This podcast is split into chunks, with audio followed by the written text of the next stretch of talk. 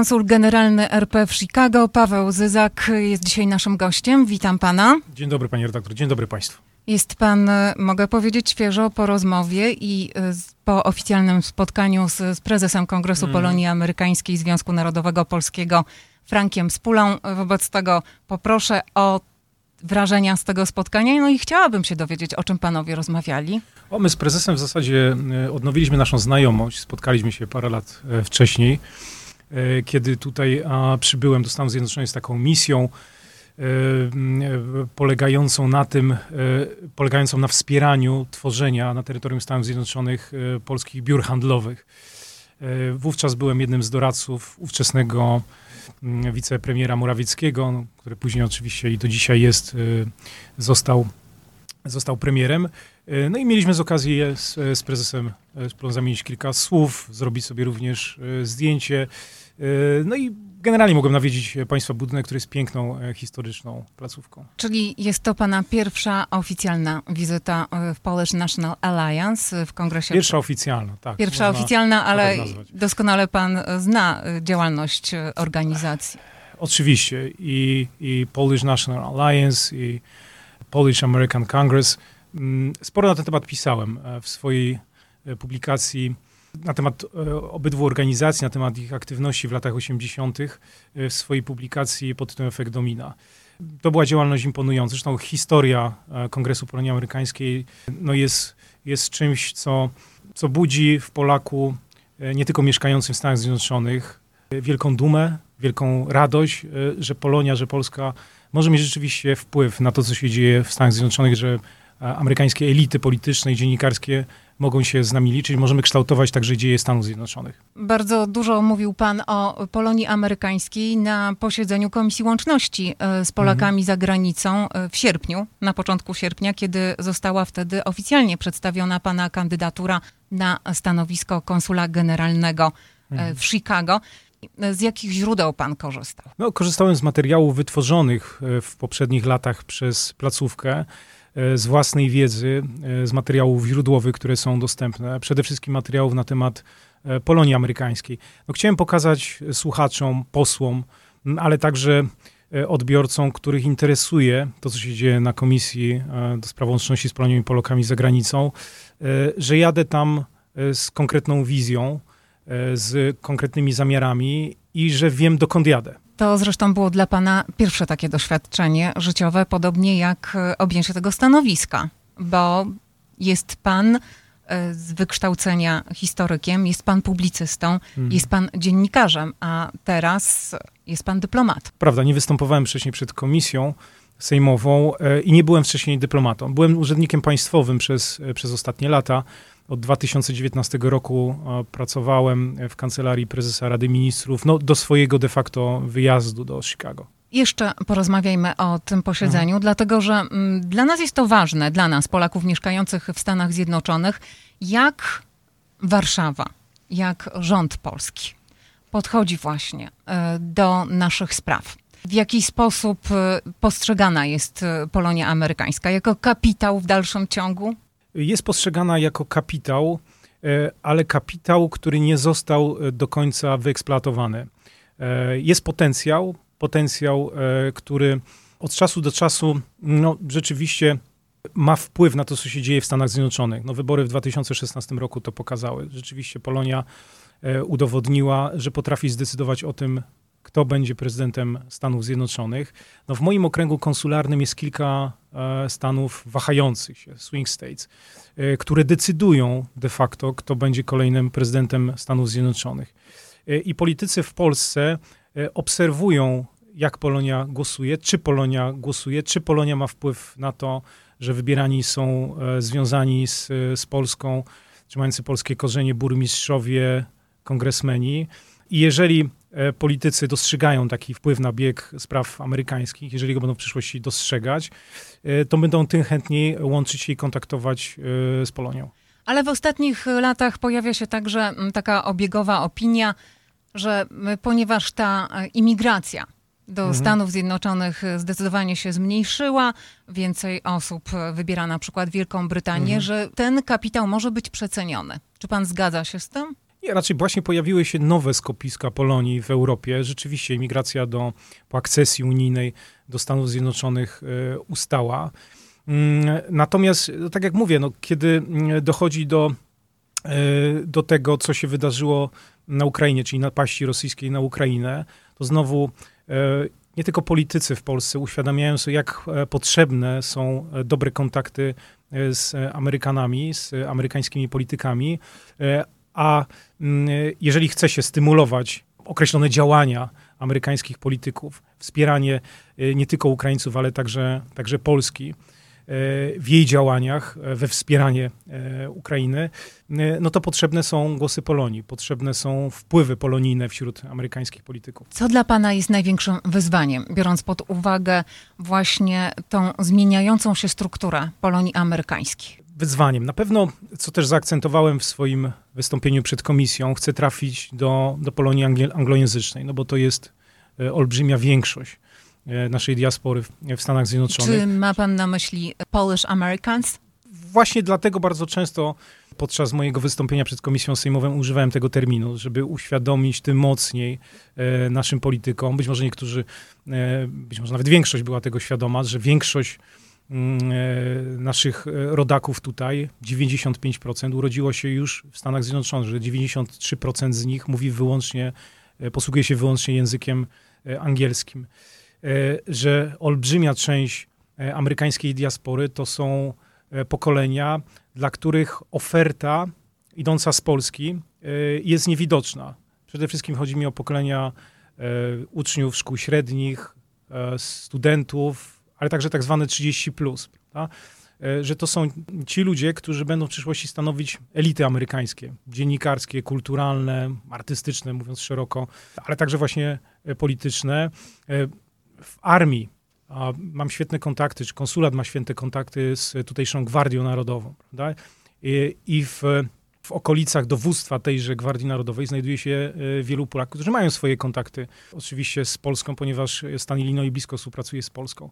Ale możemy e, powtórzyć tego typu że to tak nazwę, sukcesy w wielu innych miejscach i na, na większą skalę, e, popularyzując niektóre miejsca, gdzie Polonia młodszego pokolenia może się aktywizować. Zależy mi na tym, żeby Polonia anglojęzyczna nie traciła kontaktu z językiem polskim i polską kulturą. Także e, będę zachęcał, ale także będę zachęcał, mm, będę zachęcał e, te młode pokolenia do tego, żeby jak najczęściej odwiedzały Polskę, ale będę zachęcał również władze centralne w Warszawie, polityków, z którymi mam kontakty, do tego, żeby otwierali programy Mm, różnego typu dla młodych ludzi, tak żeby mogli rzeczywiście przyjechać do Polski na miesiąc czasu, a, a nawet na cały semestr, który spędzą na uczelni lub w szkole, czy na nauce języka polskiego, tak żebyśmy po prostu nie tracili kontaktu z tymi pokoleniami i żebyśmy wykorzystywali ten drzemiący w nich potencjał. Chicagowski Okręg Konsularny to jeden z największych chyba, tak, w Stanach Zjednoczonych i chyba jak, jak popatrzymy na placówki inne e, na świecie, to chyba jeden z największych na świecie ze względu na ten mhm. zasięg. Dlatego, że musimy to jasno powiedzieć wszystkim tym, którzy być może tak się bardzo nie interesują mhm. działalnością konsulatu. Konsulat ma swoją siedzibę w Chicago, ale obsługuje mieszkańców wielu stanów Midwestu. To też y, zaakcentowałem w swoim wystąpieniu e, przed komisją, że konsul generalny w Chicago nie powinien ograniczać się do granic miasta albo granic e, stanu Illinois ale powinien być widoczny, powinien nawiązać relacje z grupami polonijnymi w pozostałych dziewięciu stanach, bo to jest aż 10 stanów. I tak jak pani redaktor słusznie zauważyła, jest to jeden z e, największych okręgów e, konsularnych, jest to jeden z trzech najważniejszych polskich e, konsulatów na całym świecie, obok nowojorskiego i londyńskiego no, to wiele mówi o, o rozmiarze ciężaru, który spoczywa na, na barkach każdego konsula generalnego, który się zajmuje. Oczywiście można się ograniczyć do granic miasta czy, czy granic stanu Illinois, ale ja nie po to tutaj przyjechałem, żeby się mm, izolować od reszty Polonii, wręcz przeciwnie.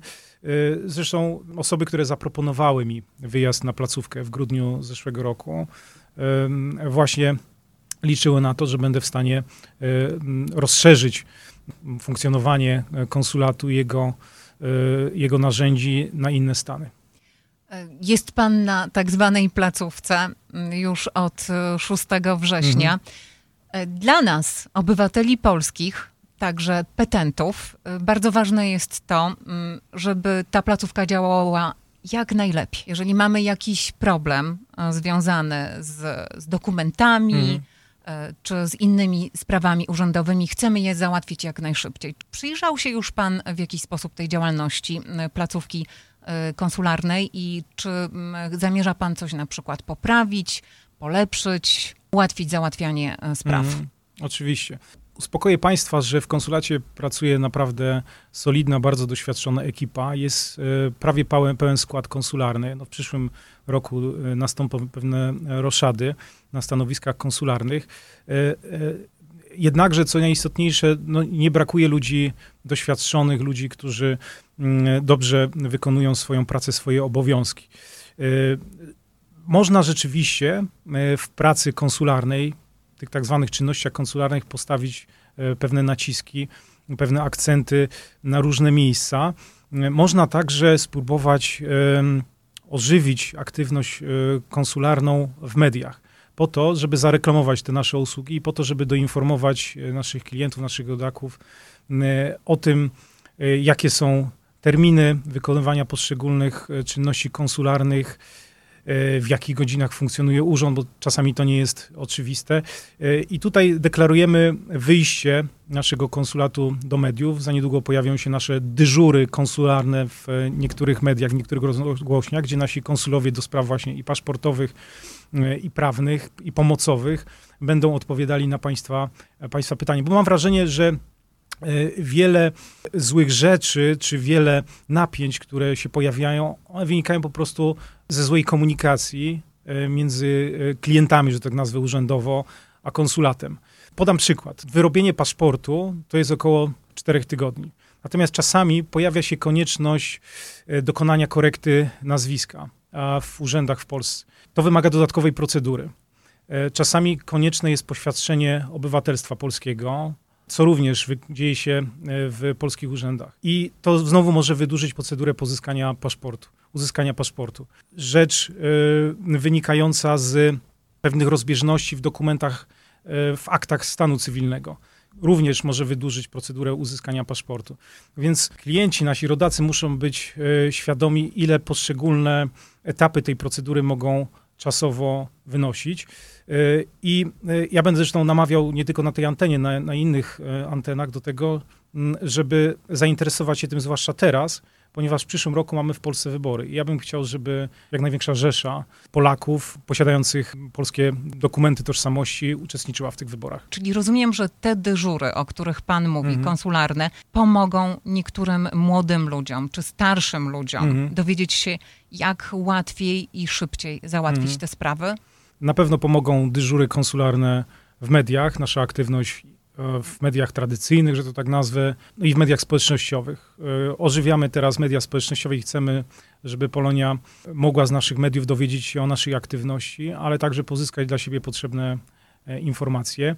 Obok dyżurów medialnych e, funkcjonują i będą funkcjonować, mam nadzieję, na szerszą skalę również dyżury konsularne w terenie.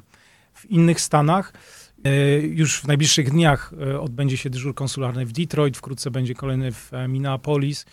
Obecnie wdrażamy, mm, Ministerstwo Spraw Zagranicznych wdraża system, nowy system paszportowy, więc my musimy się z tym systemem paszportowym zapoznać. On polega ta, mm, na tym, że e, komasuje różne bazy danych, mm, w związku z czym e, potrzebujemy trochę czasu, żeby się e, bardziej zaznajomić z tym systemem. Natomiast mogę powiedzieć, że w przyszłym roku konsulat będzie częściej widoczny w innych stanach, ale także na obrzeżach Chicago, bo nie chciałbym, żeby e, klienci mieli, klienci, przepraszam, no, to jest taka terminologia, którą się e, posługujemy w, e, w naszej działalności urzędniczej, żeby nasi rodacy mogli się spotkać z konsulami, złożyć wniosek albo też dopytać w miejscu dla nich dogodnym, tam gdzie mogą z łatwością zaparkować, e, gdzie po prostu mieszkają. No bo mm, to, o czym wspomnieliśmy wcześniej, e, ta struktura Polonii jest bardzo zróżnicowana. Mamy do czynienia na przykład z osobami, które mają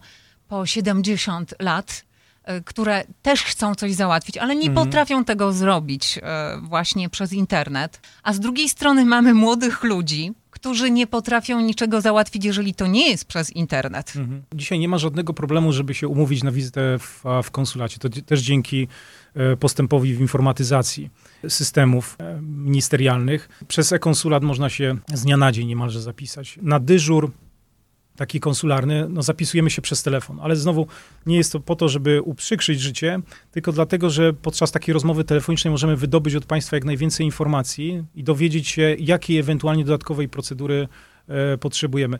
Będziemy się zastanawiać również nad tym, e, jak e, ułatwić zapisywanie się na dyżury konsularne, bo rzeczywiście takie rozmowy telefoniczne dużo czasu zajmują i może być problem z dozwonieniem się do do konsulów, którzy aktualnie pełnią dyżur e, telefoniczny. E, proszę mi dać trochę czasu, jestem tu od, od miesiąca, a myślę, że podczas kolejnej naszej rozmowy, pani redaktor, e, no będę w, w stanie przynieść bardzo dużo dobrych wiadomości. Zostawiamy sprawy konsularne. Mhm. Doktor Paweł Zyzak, mhm. osoba, która zajmowała się profesjonalnie historią, ale także publicystyką, dziennikarstwem, osoba w końcu także znana odbiorcą w Chicago. Mhm może nie wszystkim. Był pan publicystą kuriera Chicago. E, przez lata komentował pan wydarzenia mm, jako także mhm. amerykanista na antenie stacji chociażby 1490 mm AM. Porozmawiajmy o roli mediów, właśnie polonijnych. Mm Jak ją pan postrzega? Ona jest bardzo, bardzo ważna. Ja bym chciał, żeby ona była częściej widoczna, słyszalna także w Polsce, bo ona pokazuje perspektywę Polonii na wiele różnych spraw, na sprawy zarówno amerykańskie i te polskie. Ja jak występowałem w mediach mm, polonijnych, to mogłem Państwu zaoferować swoją perspektywę Polaka, także urzędnika pols polskiego, kiedy nim już byłem, na sprawy amerykańskie. Ona się mogła różnić troszeczkę od waszej perspektywy, bo wasza perspektywa y, jest perspektywą, użyję takiego słowa, miejscową, ale chodzi mi o to, że to jest perspektywa ludzi zainteresowanych e, tym, żeby państwo amerykańskie od wewnątrz bardzo dobrze funkcjonowało. Głównie na to kładziecie nacisk. Mnie interesuje przede wszystkim stabilność Stanów Zjednoczonych i spoistość sojuszu natowskiego, poprzez który e, Stany Zjednoczone gwarantują e, pokój i stabilność w świecie. Media polonijne, mam nadzieję, będą trwały i będą rosły w siłę. No, ku temu zapewne czasami potrzebne jest i wsparcie materialne dodatkowe, ale także podążanie za, za tym postępem informatycznym, który, który następuje. My ze strony mm, konsulatu no jesteśmy w stanie Was wspierać e, w niektórych e, kwestiach, w niektórych konkretnych projektach, także nie wahajcie się Państwo do nas od czasu, napisa- od czasu do czasu napisać, czy to po to, żebyśmy wspólnie z Wami uczestniczyli w jakimś wydarzeniu, w jakimś projekcie, ale też po to, żeby dostać wsparcie na określone na określone czynności. Czy teraz, kiedy ma pan zupełnie nowy zawód, bo mhm. tak przecież nazwijmy to, mhm. rozpoczął pan karierę dyplomaty, znajduje pan jeszcze czas na to, żeby mm, pisać? Jaka tematyka teraz pana mhm. najbardziej interesuje? Czy ma pan jakieś projekty wydawnicze? W zasadzie do ostatniego dnia przed wyjazdem mm, jeszcze tworzyłem materiał, który E, w przyszłości być może będzie publikacją. Przeglądałem archiwa, które zgromadziłem, archiwa przede wszystkim z Instytutu Pamięci Narodowej, archiwa dotyczące e, polskich placówek dyplomatycznych w Stanach Zjednoczonych w okresie e, PRL-u. Interesuję się bardzo mocno rozpracowaniem przez służby wywiadowcze komunistycznie amerykańskich urzędników i Polonii tutaj na miejscu w latach 70., 80. Zanim otrzymałem propozycję wyjazdu na placówkę i zostania e, dyplomatą w grudniu zeszłego roku, wybierałem się na Senior Fellowship do, do Waszyngtonu i w ramach tego Senior Fellowship miałem właśnie pisać pracę o e, rozpracowywaniu inwigilacji e, amerykańskich oficjeli przez służby komunistyczne. Jest mi to wciąż bliskie i myślę, że kiedy tylko czas pozwoli, jak zapanuję nad swoim grafikiem, w którym Czasami życie, czasami sprawy dotyczące zawodu nakładają się i odwrotnie na sprawy osobiste. E, jesteś, jesteśmy jeszcze w, w fazie przesiedlania się de facto.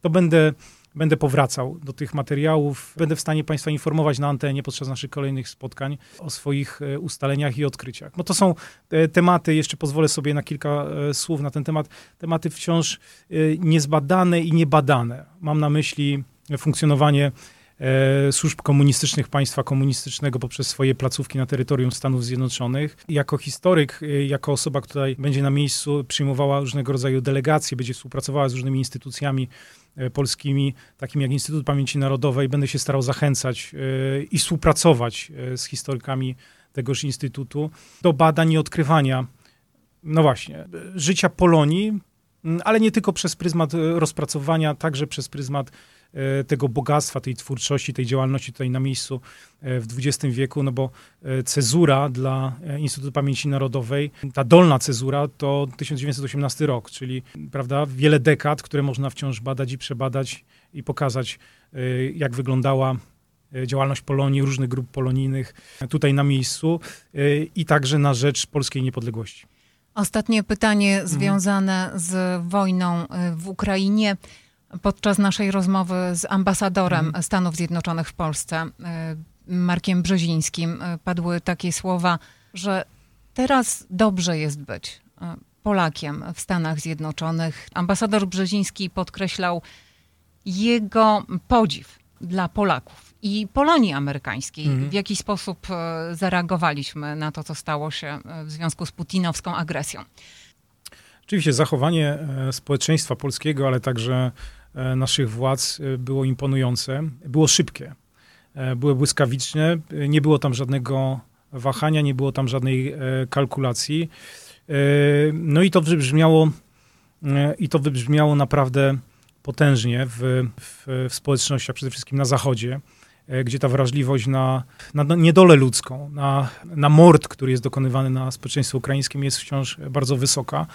Bo to niekoniecznie dotyczy e, społeczeństw, e, nie wiem, indyjskiego czy pakistańskiego, które no, nie jest w stanie wywrzeć skutecznej presji e, na swoich władzach po to, żeby mm, inaczej głosowały na przykład w Zgromadzeniu Ogólnym ONZ w ostatnich dniach. Zgadzam się z opinią, że dobrze być obecnie Polakiem w Stanach Zjednoczonych. Sam się spotykam z dużą sympatią ze strony amerykańskich dziennikarzy czy amerykańskich polityków, urzędników, różnych tutejszych instytucji, co wiąże się oczywiście z naszym, naszych władz, naszego społeczeństwa, naszą postawą e, względem tego, co się dzieje na Ukrainie. I jako historyk, odnosząc się do swojego, do swojego backgroundu, że tak powiem, historycznego, no mogę powiedzieć, że w mojej ocenie Polska nie cieszyła się taką popularnością, nie miała takiej prasy od 1980-81 roku, kiedy eksplodowała w Polsce e, Solidarność, wielki ruch narodowo-wyzwoleńczy, e, który przez kolejne lata nie tylko przyczynił się do upadku reżimu komunistycznego w Polsce, ale do rozpadu całego bloku wschodniego. I myślę, że takie ostatecznie będą konsekwencje wojny e, ukraińskiej, znaczy nastąpi e, pod jakąś postacią rozpad, rozkład e, reżimu autorytarnego w Rosji. Czyli nie obawia się pan tych e, wypowiedzi prowokacyjnych Putina na temat użycia broni nuklearnej? Osobiście w nie w ogóle nie wierzę. Znaczy, to, Mhm. jest, to jest coś niedopuszczalne, nawet dla wspomnianych przeze mnie Indii i Chin. To byłoby ustanowienie pewnego e, precedensu i e, konsekwencji potencjalnej wojny nuklearnej obawiają się e, nawet najbardziej zbrodnicze reżimy, bo to może skutkować efektem domina. A Więc myślę, że to jest zwyczajne straszenie i próba oddziaływania na, na psychikę, zbiorową psychikę społeczeństw zachodnich, żeby te z kolei wywarły presję na, na, politykach, na politykach zachodnich. Konsul generalny RP w Chicago, dr Paweł Zyzak, z którym zobaczycie się także na biegu niepodległości, zadeklarował pan na antenie Polish American Mix, że weźmie pan udział. Będzie to y, pierwszy start w Chicago w jakimkolwiek biegu? Mm, Biegałem tutaj po ulicach Chicago, ale jeszcze nie w maratonie. nie. Ma pan szansę na medal. Każdy z uczestników Każdy y, z nas ma szansę. otrzymuje medal, y, ale chodzi, oczywiście jest to wydarzenie sportowe, ale jest to przede wszystkim manifestacja polskości w samym centrum Chicago i y, Amerykanie bardzo często też zadają nam pytania, o co tutaj chodzi. Tłumaczymy im, że to jest nasz Polish Independence Day. Jak ważny dla nas, y, Polaków mieszkających w Stanach Zjednoczonych w tym roku, powinien być Dzień Niepodległości? Mhm. Już o tym wspomniałem. On jest ważny mm, dlatego, że my zapominamy, ale jeszcze częściej państwa zachodnie zapominają, jak łatwo stracić e, wolność i niepodległość. Chociażby to, o czym pani wspomniała. E, No przecież e, potencjalna wojna atomowa, potencjalna wojna światowa może skutkować rozprzestrzenieniem się jakiejś formy autorytaryzmu mm, lub po prostu upadkiem obecnego Starego Ładu. A to otwiera możliwości do zaistnienia różnego rodzaju nieobliczanych form ustrojowych. Więc świętujmy nasze święto niepodległości. Przypominajmy o naszej historii, e, która była historią trudną, historią, którą kształtowały nasze relacje e, z Rosją, z Rosją pod różnymi postaciami, i tą Rosją carską, i tą Rosją czerwoną, i w jakiejś formie tą e, Rosją obecną. Pokazujmy, że nie można pozwalać na to, żeby akceptowano totalitaryzm, nawet jeżeli ten totalitaryzm odnosi się do własnych obywateli. Bo proszę pamiętać, że zanim Putin zaczął robić e, to, co robi na Ukrainie, robił własnym obywatelom i robi własnym obywatelom. Więc społeczeństwo rosyjskie w, jakiejś, w jakimś sensie jest również e, społeczeństwem e, zniewolonym. Dla nas 11 listopada jest przecież świętem, które zakończyło panowanie u nas Rosji carskiej, ale także rozpoczęło okres walki o granice, walki z państwem bolszewickim, państwem również e, przecież napastniczym. E, w związku z czym przy okazji tego biegu no, przypominajmy o naszych barwach, e, ale starajmy się wykorzystać go jako pretekst do tego, żeby przekazać Amerykanom jak najwięcej wiedzy o naszej historii, naszej przeszłości, która może im się przydać przy wyciąganiu wniosków, jak zachować się wobec reżimu rosyjskiego teraz i w przyszłości.